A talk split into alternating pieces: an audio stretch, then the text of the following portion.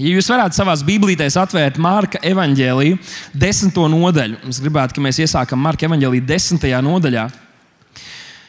Marka evanģēlijas desmitā nodaļa no 17. panta un uh, tāds mazais uh, pabrīdinājums visiem tiem, kas varbūt viesojaties pirmo reizi vai esat kārtējo reizi un ieraudzījāt, ka es uzkāpju uz platformas tieši šajā brīdī. Jums ir jāzina, ka nākamā svētdiena mācītājs būs atpakaļ. Viņš šodien kalpo liepājā.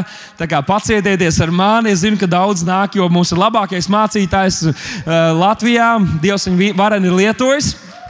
Bet es ticu, ka Dievs ir sagatavojis arī kaut ko šodien caur manu kalpošanu. Centīšos pielikt jau tam, ko Dievs ir darījis caur visu to, ko mēs jau esam piedzīvojuši. Bet es apsolu, uzticies man, tiešām tici man, mācītājs būs atpakaļ jau nākamajā svētdienā. Pasakādam savu blakus sēdošajam, uzticies Dāvidam šajā ziņā. Mācītājs būs atpakaļ. Mācītājs būs atpakaļ. Uh, tātad Mārka evanģelijas 10. nodaļa no 17. panta mēs lasīsim. Es gribētu, ka jūs visi lasītu kopā ar mani pusbalsī. Tas man ļoti palīdzētu. Un tātad, un kad viņš, tas ir Jēzus, bija izgājis uz ceļu, tad kāds pieskrēja un ceļos nometies viņu lūdza: Labais mācītāj, ko man būs darīt, lai iemantoju mūžīgu dzīvību? Bet Jēzus uz to sacīja: Kāpēc tu mani sauc labu? Neviens nav labs kā vienīgi Dievs. Tu baušu zini, tev nebūs nokaut, tev nebūs laulību pārkāpt, tev nebūs zakt, tev nebūs dot nepatiesu liecību, nelaupi. Godā savu tēvu un māti. Bet tas viņam teica: Mācītāji, šo visu es esmu turējis kopš savas jaunības. Bet Jēzus viņu uzlūkodams iemīlēja viņu un sacīja: Vienas lietas tev trūkst, ej pārdod visu, kas tev ir un dod nabagiem. Tad tev būs manta debesīs. Ņem krustu un seko man. Bet tas par šo vārdu noskums aizgāja bēdīgs, jo viņš bija ļoti bagāts. Spēcīgi. Mēs izlasām šo raksturvietu Un varētu gan izvēlēties sajusties tā, ka rodas vairāk jautājumu nekā atbildes. Pareizi. Viņš tur pieskārās vairākām tādām frāzēm, kuras nereti tiek lietotas, vai šīs eh, nu, izteikumi, kur nereti tiek lietot, lai apgāztu tādas pamata kristīgās mācības doktrīnas. Un Jēzus šim puisim tā vienkārši atbild ar tik sarežģītu atbildi, man šķiet, kāpēc vajag vienmēr visu sarežģīt. Kāpēc Jēzum vajadzēja sarežģīt šo situāciju? Viņš nevarēja vienkārši pateikt, tici man, un tu būsi glābts. Ko Jēzus tur izdarīja? Varbūt arī jums kādreiz tā ir bijis, un man jāatzīstas, man reiz reizei tā ir. Kad, es, tad, kad man ir jādodas uz kādu jaunu vietu, kuras nebraukāju ikdienā, un tad man pasaka, tā, tu aizbrauc uz šo vietu, vai šo veikalu, vai tādu un tādu nu, māju, vajag aizbraukt, un tur kaut ko vajag paņemt, vai nodot, vai apskatīt. Uh, Un, uh, tad es saku, kur tas ir? Un tad, uh, tā vietā, lai cilvēki man pateiktu adresi, vai sākumā viņi to pasakā, viņi man sāk stāstīt. Un jūs zināt, kāda ir tā ceļa. Varbūt kādiem no jums tas padodas, bet viņi man tas stāsta. Tad tu brauc tagad pa šo ielu taisni, divus kilometrus, tad pie Rimī, kas būs uz krustojuma pa labi. Tad tu brauc tālāk, vēl 300 metrus, tad aiz baznīcas pa kreisi, tur tu redzēsi zaļu koku, tad met riņķī, un tad atkal met pa labi. Tur, kur varēs tālāk, tā, tad tu brauc, tur būs viens veikaliņš, tur nebrauc iekšā, brauc tālāk tad brauc atkal pa labi. Un tad, kad šis stāsts vēl ir tikai pusceļā, man jau rodas tāda pārliecība, ka es gribētu kaut kā pārstāt šo viņa monologu un teikt, vienkārši pasakā adresi, man ir telefons, man ir GPS, Dievs man ir tā svētījis, man nav jāatcerās tavs garais stāstījums, beidz runāt, vienkārši pasakā adresi. Jo Tas ir tik sarežģīti? Nu, kāpēc nevar vienkārši iedot adresi? Kāpēc ir jāstāsta viss tas, ko tu tik un tā nevar atcerēties? Es ceru, ka vēl kādam no jums tā kādreiz ir bijis. Man tiešām tā ir kādreiz. Tas, tad, kad cilvēki man izstāsta garu to stāstu, tad es beigās tā kā, un drošības pēc kāda bija adresīta, un tad es atceros to adresīti, es ievadu telefonā. Galvenais ir īsi pirms tu atbrauc, izslēgt ārā veizu vai Google Maps, lai tad, kad tu satiec to cilvēku, lai viņš tev pēkšņi nesaka, jūs esat ieradies. Tā, ah, viņš uzzināja man noslēpumu, man tik labi nepadevās. Bet kāpēc vajadzēja visu tā sarežģīt? Mēs skatāmies uz Bībeli. Viņa arī liekas tik sarežģīta. Paskatāmies to pašu veco darību. Pat pirms vecās darības ir likumi, ir lietas, kas cilvēkiem ir jādara, lietas, kuras mums ir aizliegts darīt. Tik, tik sarežģīti. Nu, varētu domāt, ka jaunajā darbā mēs beidzot esam brīvi. Tikai viens likums, viens bauslis. Tomēr, ja mēs lasām to, ko vec, arī jaunā darbā mums māca, ko Jēzus mācīja, ko apstuļi mācīja, tas tik un tā ir tik sarežģīti, ka ir taču grūti atcerēties Kur nu vēl to visu var ievērot? Lai saule nenoriet jums dusmojoties. Dodiet, tad jums taps dots. Turiet mieru ar visiem cilvēkiem no savas puses, cik tas ir iespējams, priecājieties. Šis ir viens no grūtākajiem. Piedodiet citiem.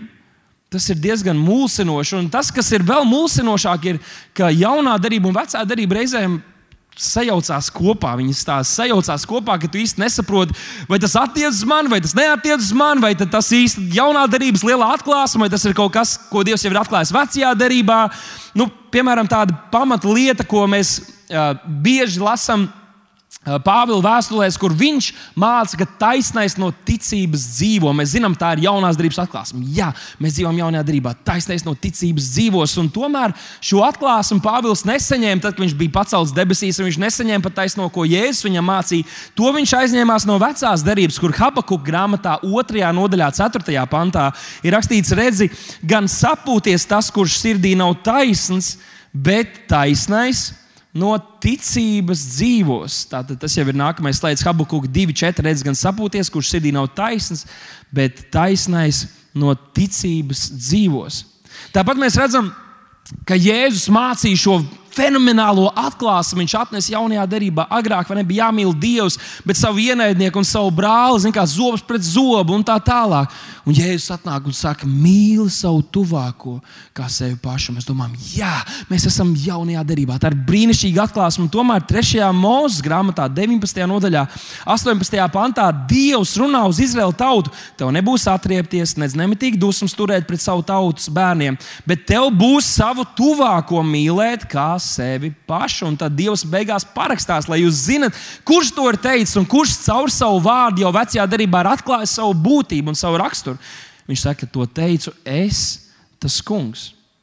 Bet mēs zinām, ka mēs dzīvojam jaunajā derībā. Mēs ar savu rīcību nevaram nopelnīt savu glābšanu. Mūsu rīcība, mūsu darbi nenosaka mūsu garīgo stāvokli, bet mūsu garīgais stāvoklis liek tam parādīties, šai patiesībai parādīties mūsu, mūsu darbos. Ja cilvēks būtu varējis pats sevi izglābt ar saviem darbiem, ar savu rīcību, ar saviem centieniem, tad Jēzum nebūtu bijis jānāk. Ja būtu kāds cits ceļš, tāpēc, kad Jēzus atnāca, viņš teica, Es esmu ceļš, patiesība un dzīvība. Nav neviens cits ceļš, kas ved pie tēva. Tu nevari sevi izglābt, tu nevari pietiekami labi rīkoties, tu nevari salabot savu karmu. Viss, ko tu esi slikti darījis, dara vairāk labu, varbūt tad tev paveiksies. Nē, nē, nē, tas nekas nestrādā. Tikai tāpēc tas ir iemesls, kāpēc Jēzum bija jānāk šajā pasaulē, jo mēs bijām pazuduši, mēs bijām pazudināti, mums nebija cerības. Ja Jēzus nebūtu atnācis, mums nebūtu glābšanas. Mēs nebūtu, mums nebūtu iespējams dzīvot personīgās attiecībās ar Dievu, to piedzīvot. Un tā tad mūsu garīgais stāvoklis nosaka mūsu rīcību, nevis otrādi. Tāpēc es esmu Es esmu svēts, un tāpēc es dzīvoju svētu dzīvi. Nevis lai es būtu svēts, bet tāpēc, ka es esmu svēts. Slavēju Jēzu, nevis tāpēc, lai viņš mani izglābtu. Es viņu lūdzu, nevis tāpēc, lai viņš mani izglābtu, lai viņš apžēlotos par mani. Jūs esat dzirdējuši, mūsu mācītājs bieži lūdzu, eh, demonstrē šo lūgšanu, ko daudzi kristieši saka, Dievs, apžēlojies par mani, apžēlojies par mani, bet es esmu apžēlots, es esmu glābts, un tāpēc es slavēju viņu, tāpēc es gribu dzīvot viņam. Es dodu desmito, es dodu savus labprātīgos ziedojumus, jo es esmu svētīts. Un Dievs ir svētījis man roku darbu, Dievs ir devis man spēku sagādāt labklājību. Un tāpēc es droši dodu, pat, ticot viņam un padodoties viņa vārdam. Tātad jaunajā darbā šķietam ir uzlikts šāds skaidrs un vienkāršs standarts, ka mums ir jātic un jāpaļaujas uz to, ko Jēzus ir izdarījis. Un tas ir daudz, bet labi parādīts, bet es gribētu jums šodien dot efeziešu vēstules 2. nodaļu, 8. pantu. Jūs zinat šo raksturvietu, kur rakstīts, no žēlastības jūs esat pestīti ticībā, un tas nav no jums, tā ir Dieva dāvana, es gribētu teikt, Kristu Jēzu. Jūs esat pestīti tātad žēlastība, tas ir pilnībā Dieva griba, Dieva nodoms, īstenojies viņa paša uh, izdarīts darbs, bez nekāda mūsu nopelna. Mēs esam pestīti ticībā. Ticībā šis atslēgas vārds visur jaunajā darbā, un jūs ievērosiet, ka arī vecajā darbā ir šis atslēgas vārds ticība, ticība, ticība, ticība. Un šo mēnesi Pagājušo mēnesi mēs esam daudz šo gadu esam iesākuši runājot par ticību, cenšoties paplašināt to, ko mēs uzdrīkstamies sagaidīt, ko Dievs var darīt mūsu dzīvēm, ko Dievs var darīt caur mums un ko mēs varam piedzīvot kā draugs. Dievs ir centies to paplašināt mūsu dzīvē, un šis vārds ticība, ticība, ticība iezīmē šī gada sākumu. Ticība, ticība. Bet es šodien gribētu vēl novienkāršot visu to, ko Bībele mums māca, ko Dievs sagaida no mums. Jo ticība, jūs jau zinat, daudz ticība burtiski nozīmē uzticēties. Uzticēties. Ticēt nozīmē uzticēties. Pasakādam savu blakus sēdošiem. Ticēt nozīmē uzticēties. Tā tad ir tikai viens priekšnoteikums, lai mēs saņemtu kaut ko no Dieva, vai lai mēs saņemtu visu, ko Dievs mums ir sagatavojis priekš mums. Un šis viens priekšnoteikums ir ticība, uzticēties. Jo tu vari aiziet tikai tik tālu, cik tu uzticies sev, ka tu spēj to izdarīt. Jūs zināt, kā tas ir, ka jums ir kaut kas jāpaveic, vai ir kādi izaicinājumi, vai kādas iespējas, kas pavērs jūsu dzīvē.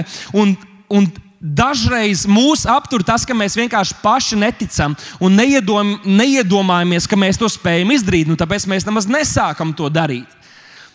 Savukārt, no otras puses, tu vari aiziet tikai tik, tik tālu, cik tu uzticies tam, kas rāda tev ceļu. Tātad ir kāds, kas tevi vada, ir kāds, kas iet tev pa priekšu, un jautājums ir, cik daudz tu viņam uzticies, tik tālu tu varēsi aiziet. Nu, iedomājieties tādu situācija jūsu dzīvē, un iespējams, ka daudziem tāda ir bijusi, vai ar draugiem staigājoties. Jo ir kādreiz tie draugi, kuri, kuriem ir atbildes uz katru jautājumu. Nav nekas, ko viņi nezina. Ja jūs ejat, jūs esat apmaldījušies, viņš būs simtprocentīgi pārliecināts, ka viņš zina ceļu. Nu, iedomājieties, ka jūs ejat kādā pastaigā un ir kāds, kas vada jūs, kurš jums rāda ceļu, un es redzu, ka daudz jau atpazina kādu no saviem draugiem. Iespējams, ka tev blakus tāds sēž, viņam vienmēr atbild, viņš vienmēr zina pareizo ceļu, bet kā nekā jūs 40 gadus tūkstnesī maldaties, ejot uz apslīto zemi zemi, lai gan viņš it kā zina ceļu. Un iedomājieties to situāciju, jūs uzsākat ceļu, un jums šķiet, tas cilvēks ir pilnīgi pārliecināts, viņš zina, kur viņš jūs ved, un tad jūs ejat, jūs ejat, jūs ejat. Bet jo tālāk jūs ejat, un jo biežāk jūs redzat viens un tos pašus kokus, un viens un tos pašus bunkurus tajā mežā, jo vairāk jūs sākat saprast, ka tas cilvēks nezina, kur jūs esat. Bet viņš āršķirīgi cenšas saglabāt tādu iespaidu, un atstāt tādu iespēju, ka viss ir kārtībā, ka mēs ejam. Es jums te gribēju parādīt vēlreiz šo pašu vietu, 3, 4, 5 reizi. Mēs ejam, es zinu, kur, kur mēs ejam.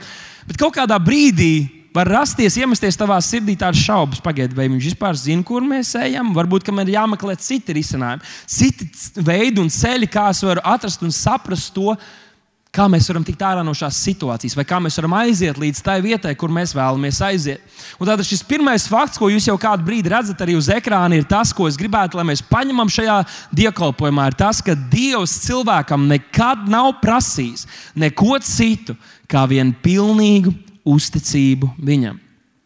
Es atkārtošu, Dievs cilvēkam nekad nav prasījis, un gribētu teikt, un nekad arī neprasīs neko citu, neko vairāk kā pilnīgu uzticību Dievam. Kad Dievs radīja cilvēku, Dievs pilnībā uzticējās šim cilvēkam, dodot viņam brīvu gribu, dodot viņam varu un autoritāti pār šo zemi. Viņš teica, ņemiet un valdiet. Deva viņam varu pār viņu pašu dzīvi. Cilvēks varēja noteikt, ko viņš darīs ar savu dzīvi, kam viņš izvēlēsies ticēt un ko viņš izvēlēsies darīt nākotnē.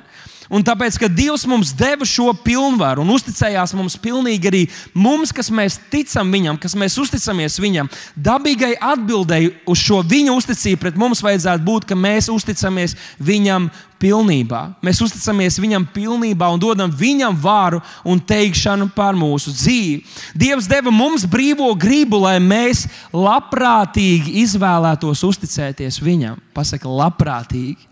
Tā ir un būs tava izvēle.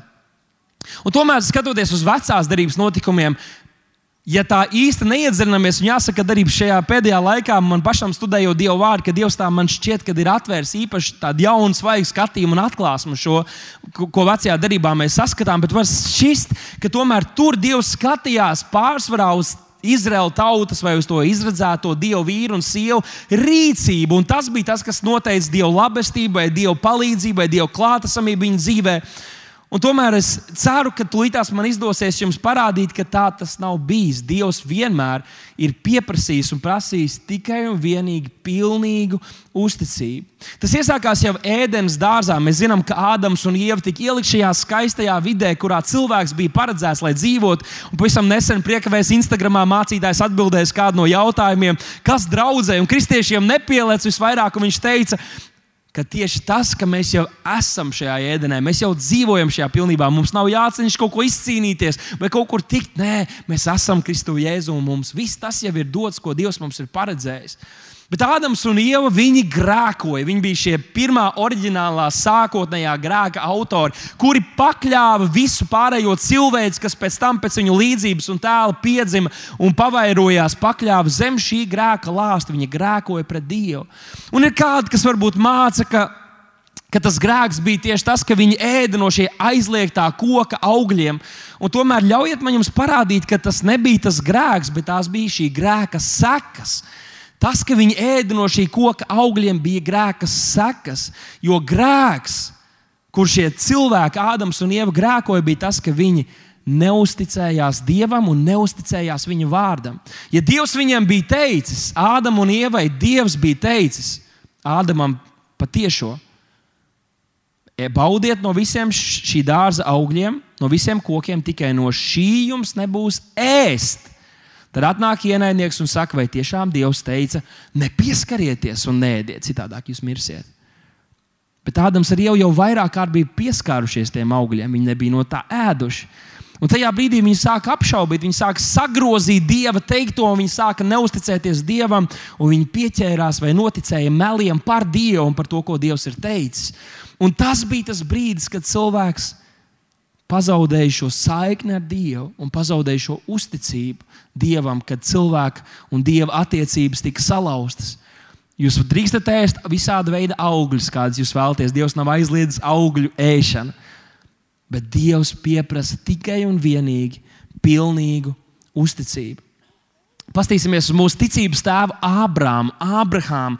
Pirmajā mūža grāmatā, 15. nodaļā, 6. pantā mēs redzam, kur par Ābrahāmu, par Ābrāmu ir teikt šie vārdi. Ābrāms uzticējās tam kungam, un Dievs to viņam pieskaitīja par taisnību. Viņš tika taisnots, bet kas ir tas, kas viņam tika pieskaitīts par taisnību? Vai tie bija viņa darbi? Nē, tā bija viņa uzticība. Viņš uzticējās Dievam, un tas viņam tika pieskaitīts par taisnību. Un arī jaunajā darbā ir vairākas raksturvietas, pat nodaļas, kur tieši šī Ābrahāma, mūsu ticības tēva paļaušanās uz Dievu, ir vairāk kārtīgi aprakstīta un pielīdzināta tam, ka arī mēs līdz ar Ābrahāmu ticot, tiekam svētīti un piem, iemantojam visu Ābrahāma svētības. Vai Ābrahāms bija pilnīgs? Nē, viņš nebija pilnīgs. Pat tad, kad Dievs viņam teica, lai viņš atstāja savu tēva namu, viņš tomēr paņēma līdzi savu tēvu, un arī tas brāļa dēls Lats viņam kratījās līdzi, lai gan viņam bija jāiet prom no viņiem. Viņš nebija pilnīgs. Mēs redzam, pēc tam vēlāk viņš, viņš iet cauri Eģiptei un Gerārai. Un tur, lai gan viņš bija pārliecinājies, ka Dievs ir uzticams, tomēr viņš samelo par savu sievu, baidīdamies par savu dzīvību un pakļaujot riskam savas sievas dzīvību un, lab, un, un veselību. Viņš nebija pilnīgs cilvēks, bet kas bija šī uzticēšanās? Lai gan viņš to visu savu ceļu nemēroja, varbūt pilnībā parādot simtprocentīgu uzticību Dievam, bet viņš bija gatavs atstāt to vietu, kur viņš bija un paklausīt Dievam. Interesanti, ka 12. nodaļā šķiet, ka uh, tur šis viņa dzīves cikls un veids, kā viņš staigāja pa šo zemi, ir salīdzināts ar vārdiem, ka viņš klaiņoja, klaiņošana, viņš klaiņoja pa šo zemi. Jo ļoti interesanti, ka, ka Dievs viņam nepateica, kur viņam ir jādodas līdz brīdim, kad viņš tur jau bija nonācis. Viņa dzīve izskatījās kā klaiņošana. Viņš vienkārši centās uzticēties Dievam, paklausīt viņam, labi, Dievs, tu man tagad teici, darīt to, un es darīšu to, lai gan es tajā brīdī nezinu tieši, kur man ir jāiet. Tu man teici, atstāt man iepriekšējo zemi, es eju. Bet kur? To Dievs gribēja, lai Ābrahāms uzticās viņam. Un mēs redzam, ka par spīti visām viņa kļūdām, Dievs tomēr viņu redzēja kā tādu, kas uzticas viņam. Un Ābrahāms ir mūsu ticības tēvs. Varbūt, tu šodien klausies un tu skaties uz sevi, kad arī tev, tu, tu zini, ka kādas dažas, dažas pareizos jā, tu esi pateicis Jēzum, bet tad ir bijušas kļūdas un nepareizas izvēles un lēmumi. Bet neļauj tam sevi pazudināt. Ja Ābrahāms Dievs vecajā darbā uz viņu raudzījās kā uzticam un taisnoja viņu savas uzticēšanās dēļ, priekš Dieva, lai gan viņš nebija pilnīgs. Arī tu esi Dieva gribā. Arī tu esi, tad, kad tu atsaucies Jēzum, tu sāki šo ceļu, un Dievs skatās uz tevi, Viņš grib tevi vadīt, un jo vairāk tu klausīsies uz viņu, jo labāk tu viņu dzirdēsi. Iespējams, ka tava dzīve izskatās kā klaiņošana. Ir daudz kristiešu, kas saka, Es gribu zināt, kur ir mana vieta, kas man ir jādara tieši šajā brīdī, bet iespējams, ka tu jau to dari. Iespējams, ka tu jau esi savā vietā, iespējams, ka tu jau esi savā aicinājumā. Beidz visu laiku meklēt, un skatīties un domāt, ka kādu dienu kaut kur briesmīgi Dievs tevi aizdīs, Dievs tevi aizvedīs. Bet šajā brīdī tu varbūt esi viņa gribā un vienkārši neuztraucies, ja tavs dzīve izstāsta kā klaiņošana. Paldies jums! 4. mūža grāmatā, 14. nodaļā, 11. pantā mēs lasām, kā Dievs runā uz Izraēlu tautu, kura principā stāv pie apsolītās zemes robežām. Izlūki ir apskatījuši šo zemi, bet paskatieties vārdus, kādus Dievs runā par Izraēlu. Mēs zinām, ka Izraels visu laiku krita grēkā, un tāpēc nāca sots par viņiem saskaņā ar derību, kādu viņi bija slēguši ar Dievu. Bet paskatieties, kā Dievs runā par viņiem. Un tas kungs sacīja Mozum, cik ilgi šī tauta nicinādama mani atmetīs. Un cik ilgi tie negrib man ticēt, neraugoties uz visām tām zīmēm, ko es esmu darījis tās vidū. Ne, negrib man ticēt, negrib man uzticēties. Dievs bija rādījis visādas brīnumainas zīmes jau Eģiptē, pirms viņi iznāca no Eģiptes. Pēc tam pasargājis viņus līdz pat jūrai, izvedis cauri jūrai, rūpējies par viņiem visus tos 40 gadus, un, un viņš bija darījis visādas fantastiskas lietas. Bet tik un tā viņi neusticējās Dievam, viņi turpināja kurnēt, viņi turpināja baidīties. Varbūt ir kāda mūsu vidū, kas domā, labi, labi, labi jā, ja Dievs izdarītu kaut kādu briesmīgu brīnumu, un pēkšņi man būtu pie durvīm milzīgs uh, koferis ar naudu, vai tas un tas cilvēks, par kuras gadiem lūdzu, ja viņš saņem dziedināšanu, tad viņš noteikti būtu glābts. Un jā, Dievs grib visu to lietot, lai vilktu cilvēks tuvāk sev, bet tas, ka vienkārši brīnumi notiek, tas ne, ne, nav vienlīdzības zīme tam, ka tev būs ticība. Jo ticība nāk no Dieva vārda, un tā ir izvēle mums uzticēties Dieva vārdam. Viņi bija redzējuši fantastiskus dievu darbus un brīnumus, un tik un tā Dievs viņiem nepārmet to, ka viņi, ka viņi kaut ko tur nedarīja, vai ka viņi pa daudz ēda to, ko Dievs viņiem deva, vai kaut ko citu. Nē, viņš pārmet viņiem to, ka viņi neusticās, ka viņi netic. Viņš tik ļoti centās, lai viņi taču uzticētos, un tomēr viņi to nedarīja.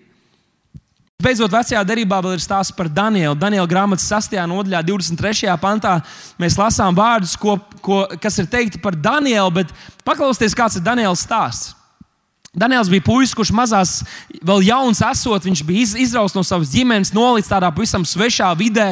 Tur var vilkt šīs paralēlas ar to, ka arī mēs dzīvojam šajā pasaulē, bet mēs neesam no šīs pasaules. Viņš atteicās no vīniem un visāda veida barību, no tāda dzīves stila, kādu dzīvoja šie pasaulīgie cilvēki viņam apkārt. Viņš teica, es gribu būt palikt uzticams, gribu, es uzticēšos Dievam. Un viņš teica tam valdniekam, viņš teica, nē, nē, nē, labi, dod man nedēļu, dod man divas nedēļas, nedēļu dod. Jūs dzīvojat, kā jūs gribat, ļaujiet man jums pierādīt, ka, ja es paklausīšu Dievam, Dievs parādīsies uzticams manā dzīvē. Un Dievs viņu cēlīja, Dievs viņu turpināja celt, Dievs viņu turpināja celt, līdz, līdz viņš kļuva ļoti, ļoti ietekmīgs. Un Dievs grib darīt tevi ietekmīgu. Dievs grib darīt tevi ietekmīgu savā dzīvē, savā ģimenē, savā darbības sfērā, tajā jomā, par kuru tu gribi uzņemties atbildību. Dievs grib tevi celt un darīt tevi ietekmīgu, lai tu ietekmētu lietas priekš, priekš Dieva. Bet tad viņš palika uzticams Dievam, un viņš uzticējās viņam tik ļoti, pat tad, kad tas draudēja viņam ar nāvi, ar briesmām. Viņš neatkāpās no savas ticības, un viņš turpināja zemoties Dieva priekšā. Un tas, ko ienaidnieks cenšas panākt, ir, lai tu sāc lepoties ar sevi, lai tu sāc paļauties uz sevi un domā, labi, es esmu tik augstā vietā, man tagad jau tik labi sanāk.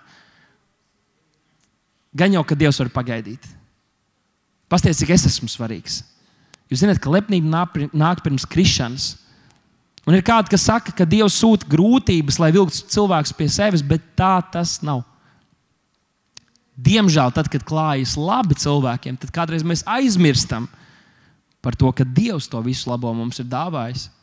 Un tad mūsu pašu krišana nāk ar līdzi šo zīmi, kad mēs atkal meklējam Dievu. Bet skatieties, kas šeit notika. Daniels savas ticības dēļ tika iemests lauvu bedrē, un, ziniet, kādreiz mēs jau svētdienas skolā maziem bērniem runājot, rādām, ka tie, tie lauvēni kā mazi kaķīši, tādi mīļi, mīļi, ziniet, tomēr Simpsons pārplēsa uh, lauvu un Dāvids nokāva lauvu. Tas lauvas jau nebija tik liels kā mūsdienās. Tās jau bija tādas mazās, mazie jaukie kaķīši, kāmīši, kas būrīšos sēž bet tās bija īstas, īstas lauvas, kas tur bija, jo viņas jau bija desmitiem visādi veidi noziedznieks un valsts ienaidnieks bija apēduši un iznīcinājuši.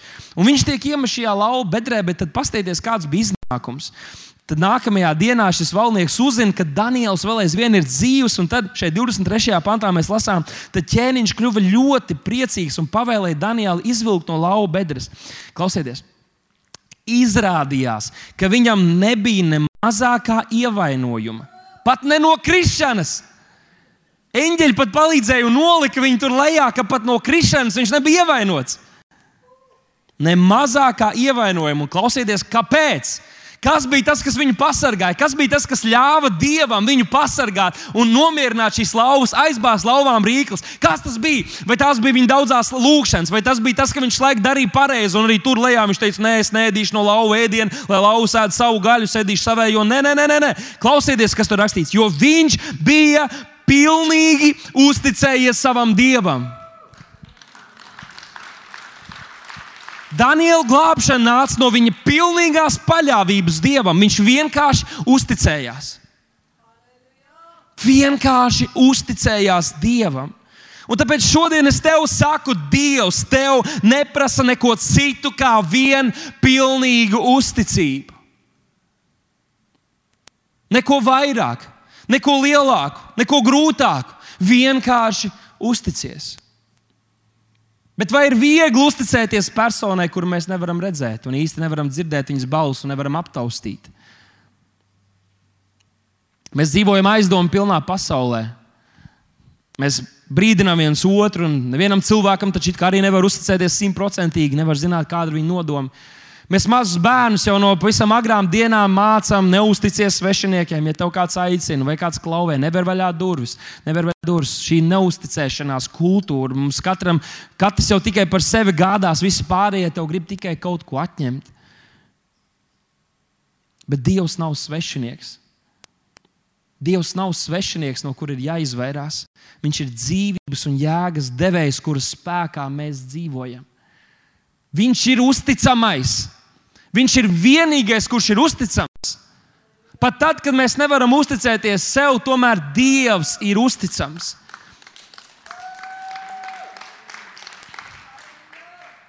Un, ja Dievs nav uzticams, un ja Dieva nav, tad nekam šajā pasaulē nav jēgas. Viss ir bezjēdzīgs un viss ir tukšs. Ja tas, ko Dievs mums ir solījis, ja tā nav patiesība, tad šī pasaule ir mēslu kaudze. Mēs dzīvojam, lai mirtu. Nekam nav nekādas vērtības, nekas nav svarīgs.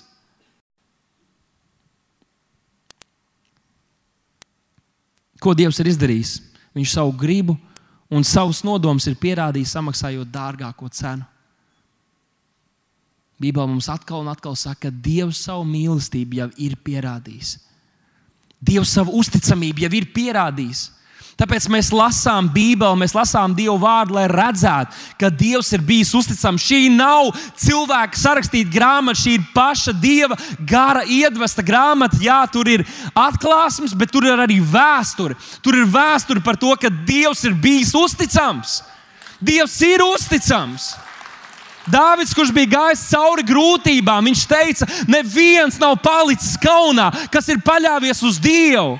Viņš to teica, jo viņš to bija piedzīvojis, bet viņš to teica, jo viņš bija redzējis to. Paudžu paudzēm tika nodots stāsts par to, kā Dievs ir bijis uzticams. Un viņš nemainās, pie viņa nav pat pārmaiņu un pārgrozības ēnas. Tāds kāds viņš bija pašā sākumā, kad viņš radīja šo zemi, viņš ir arī tagad, un viņš būs arī rīt. Jēzus tāds pats vakar, šodien un mūžīgi. Viņš ir tāds pats. Otrakārt, Dievs mums ir devis ķīlu. Viņš ir devis šo atstājis ķīlu, ka, ja nu gadījumā jums nepietrūkst ticības uz to vienkārši uz Jēzu, mums ir atstāta ķīla, un Bībele tos mums saka, ka svētais gars mums ir dots kā ķīlis tajā dienā, kad mēs redzēsim tēvu vajag vaigā, ka svētais gars ir mūsos, kas nepārtraukti mums liecina, jo tas ir pats Dievs mūsos, kas mums liecina, tā ir patiesība, tā ir patiesība, tā ir patiesība. Dievs ir uzticams. To, ko viņš teica tavā dzīvē, tas piepildīsies, tas notiks. Turpini ticēt, turpini ticēt, nepadodies, nepadodies, nepadodies. Tas notiks, tas piepildīsies. Svētais gars ir mūsu sirdīs ir liecības par viņu uzticamību. Es jau teicu par Bībeli, bet paskatieties te apkārt. Mēs varētu pacelt rokas, kas mēs esam piedzīvojuši, ka viņš ir uzticams. Ir tik daudz mūsu vidū, kas ir šajā draudzē jau no pašiem pirmsākumiem, kas jau no mazām dienām vai vēlāk no pasaulīgas vidas ir ienākuši pie draudzē un piedzīvojuši Dievu, kas var teikt, paklausieties, Es kalpoju bieži jauniešiem, un mēs esam jaunieši, mums ir īsa atmiņa, un ne tikai tik daudz, cik mēs esam varbūt piedzīvojuši, bet šeit mūsu vidū ir cilvēki. Klausieties, jaunieši, šeit mūsu vidū ir cilvēki, kas ir ar Dievu 50 gadus, 40 gadus un vairāk, kuri ir piedzīvojuši to, ka Dievs ir labs, Dievs ir izvedis cauri kariem un visādi veidu uzbrukumiem un grūtībām un finansiāliem eh, krahiem un tā tālāk. Vienalga, kas ir noticis apkārt, Dievs ir pierādījis sevi kā uzticam. Mums apkārt ir tik daudz liecības par to. Tāpat Bībele saka, ka mēs varam Dievu pārbaudīt. Dievs nesaka vienkārši, lai mēs uzticamies Viņam. Viņš saka, pārbaudiet mani. Jūs dodiet, tas ir pats mazākais, jūs varat sākt ar finansēm. Nu? Sāc līdzdarboties un pārbaudi man, vai tiešām es nesvētīšu, vai tiešām tu neredzēsi izaugsmu, vai tiešām neredzēsi labestību, vai tiešām neredzēsi jaunas durvis, kuras atvērsies. Tā ir tā viena no lietām, ar ko kristietība atšķirās no visām pārējām reliģijām šajā pasaulē. Varat to pierakstīt. Jo visas pārējās reliģijas māca, viņi, viņi, viņi dod mācību, viņi dod mācību un visādas filozofijas, bet neviena ne no tām nav pārbaudāma nav pārbaudām un nav piedzīvojami, bet nav pārbaudām. Jēzus teica, jūs lūgsiet par cilvēkiem, tie kļūs dziedināti, jūs varat to pārbaudīt. Ja es teicu, tas un tas ir noticis, tas un tas notiek, pārbaudiet man, pārbaudiet man, tas reāli strādā. Tev nav vienkārši jāuztic skaistām filozofiskām domām, mums ir jāuztic dzīvajam dievam, kurš grib un var apstiprināt savu vārdu ar līdzjošām zīmēm un brīnumiem. Viņš grib un var pagodināties tavā dzīvē, un viņš jau to dara. Un jūs jau zināt, ka mums ir dota ticība, kas nāk no Dieva vārda. Ko tad mēs varam darīt? Pirmkārt, ja tu saproti, ka tu nespēji pilnībā uzticēties Dievam, tev ir jāsaprot arī tas, ka problēma nav Dievā, ka problēma ir tevī.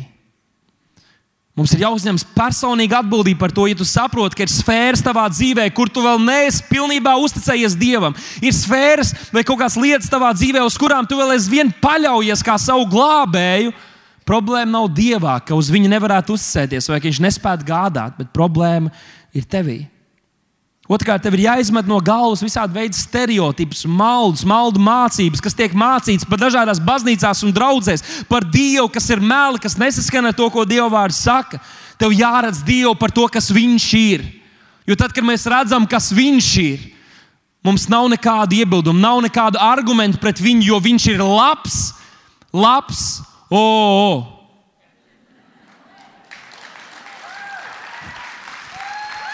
Aleluja!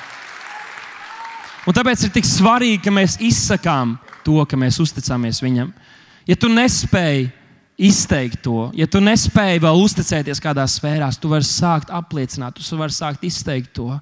Vīri, kas nespēja jau kādu laiku, ir šķiet, ka ir pazaudējuši mīlestību uz savu sievu, sāciet Viņai to teikt. Sāciet viņai teikt, dārgā, es mīlu tevi. Es mīlu. Varbūt tas nav viegli, varbūt tu tajā brīdī tā nejūties, bet sāc to teikt. Un pēc brīža tu jutīsi, kā tā mīlestība, ko tu pats būsi laistījis un teicis un vairojis, kā tā aizvien vairāk pārņems tevi, bet izsaki Dievam.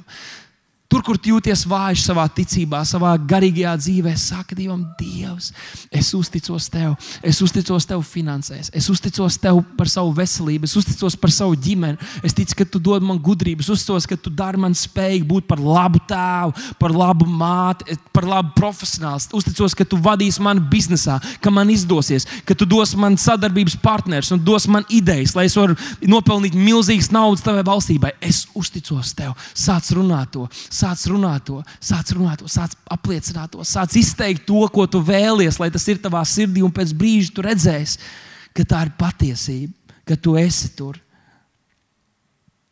Mums jāizvēlas uzticēties viņam, nevis citām balsīm. Ir citas balss, kuras konkurē ar viņa balsi, ir citi viedokļi, kur konkurē ar viņa viedokļi. Mēs esam tie, kas mēs izvēlamies. Mums ir pilnīga vara pār mūsu domām, mūsu saprāšanu un to, kas notiek mūsu galvā. Mums ir jāsaka, Dievs, es izvēlos tavu balsi. Es izvēlos tavu balsi, Dievs. Es uzticos tavai balsī vairāk kā savām sajūtām. Es uzticos tavai balsī vairāk kā tam, ko man līdzcilvēki saka. Es uzticos tavai balsī vairāk kā tam, ko es dzirdu ziņās, vai ko saka kādi reportieri. Es uzticos tavai balsī, un es neticēšu meliem. Jāņem arī 16. nodaļā, 8. pantā, Jēzus teica, runāja par svēto garu.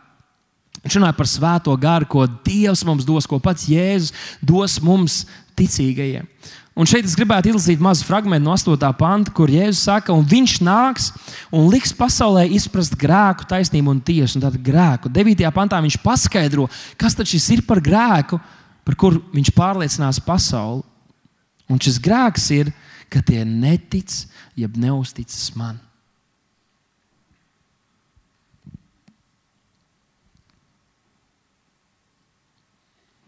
Es esmu pārliecināts, ka lielākā daļa no cīņām, no problēmām, no kārībām un grēkiem, kurās kristieši sevi atrod, ir tieši šī ir tā sakne.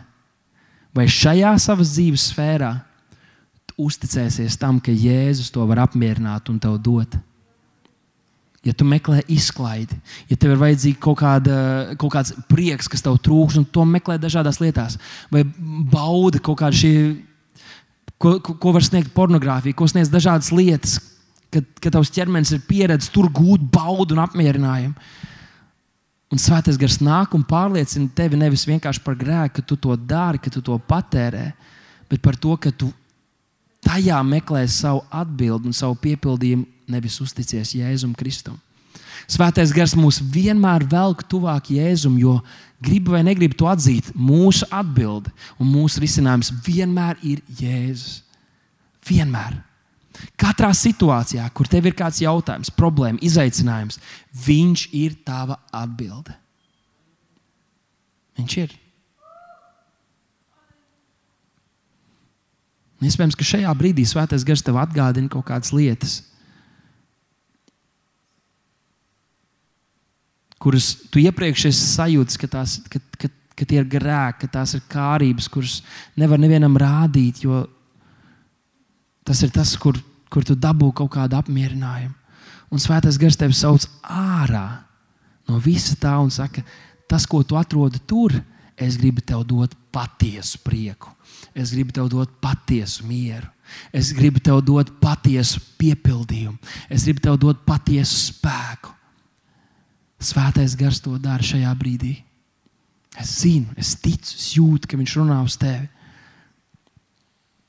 Lai saule nenoriet mums dusmojoties, jo Dievs ir tiesnesis. Mums nav jātiesā, mums nav jāizvērtē cilvēki. Atlaid to, jo Dievs būs tas, kurš gādās par taisnību.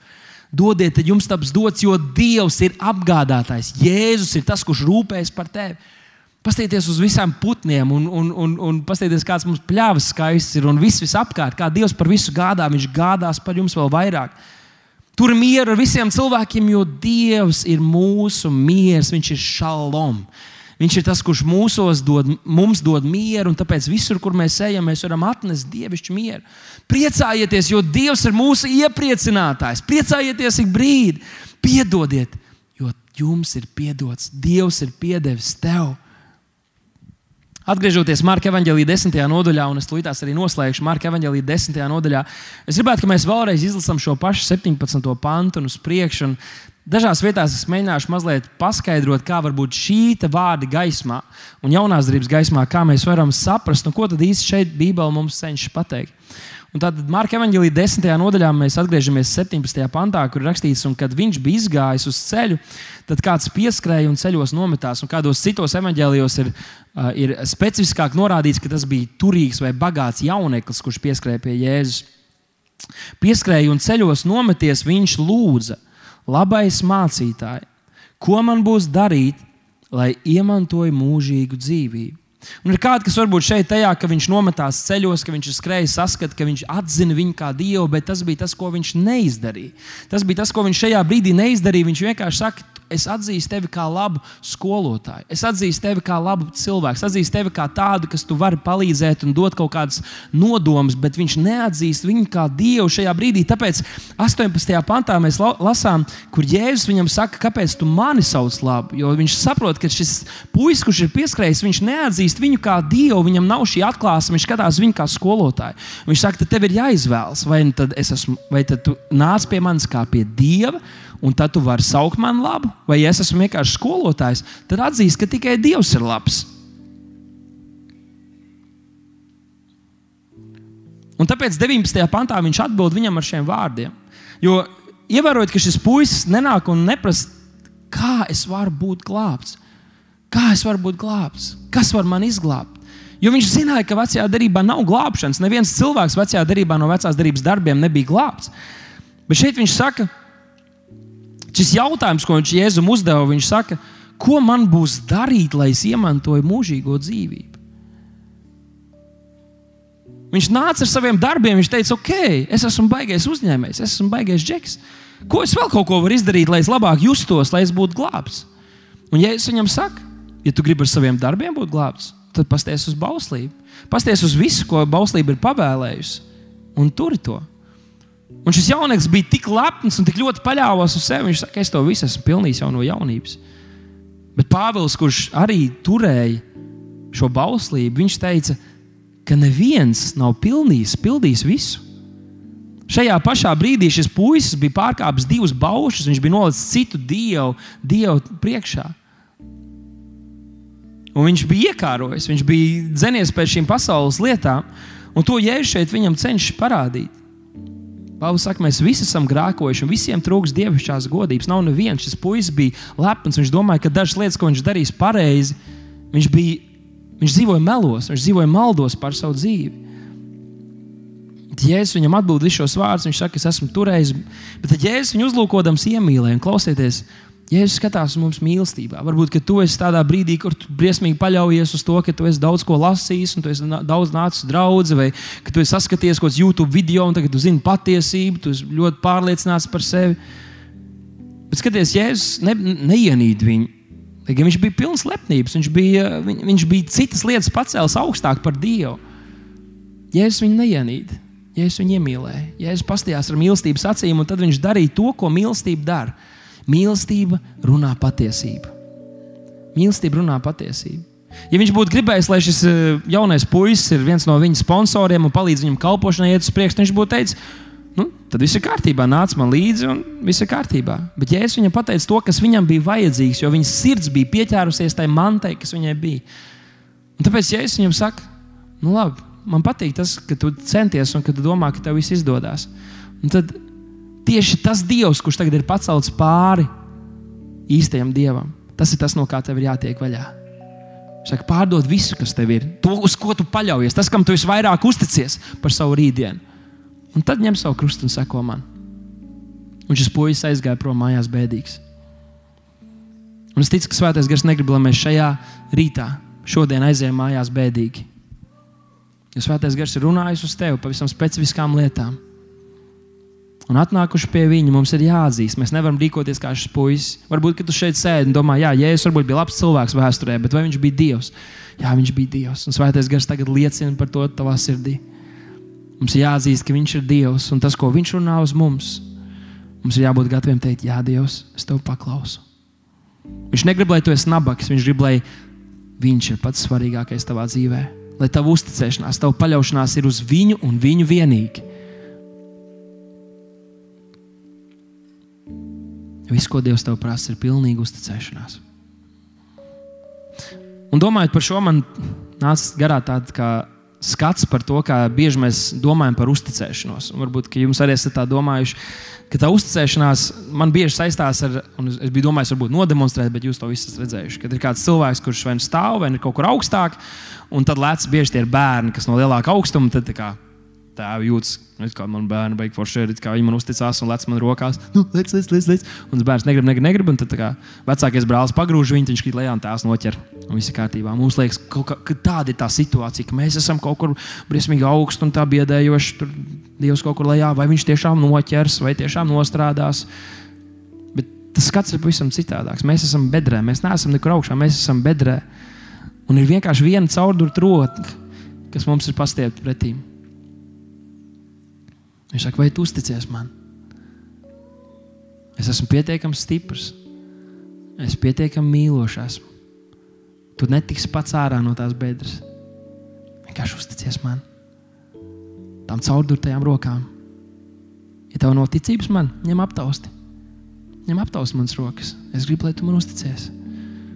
Es darīšu brīnums un zīmes, rūpēšos par tevi kā ne par vienu. Jo es gribu, lai tu man uzticies vienkārši paņem man caur to roku. Un, kad mēs pasniedzam viņam savu roku pretīm ticībā, viņš ir, darīt, viņš ir spējīgs darīt fantastiskas lietas. Fantastiskas lietas.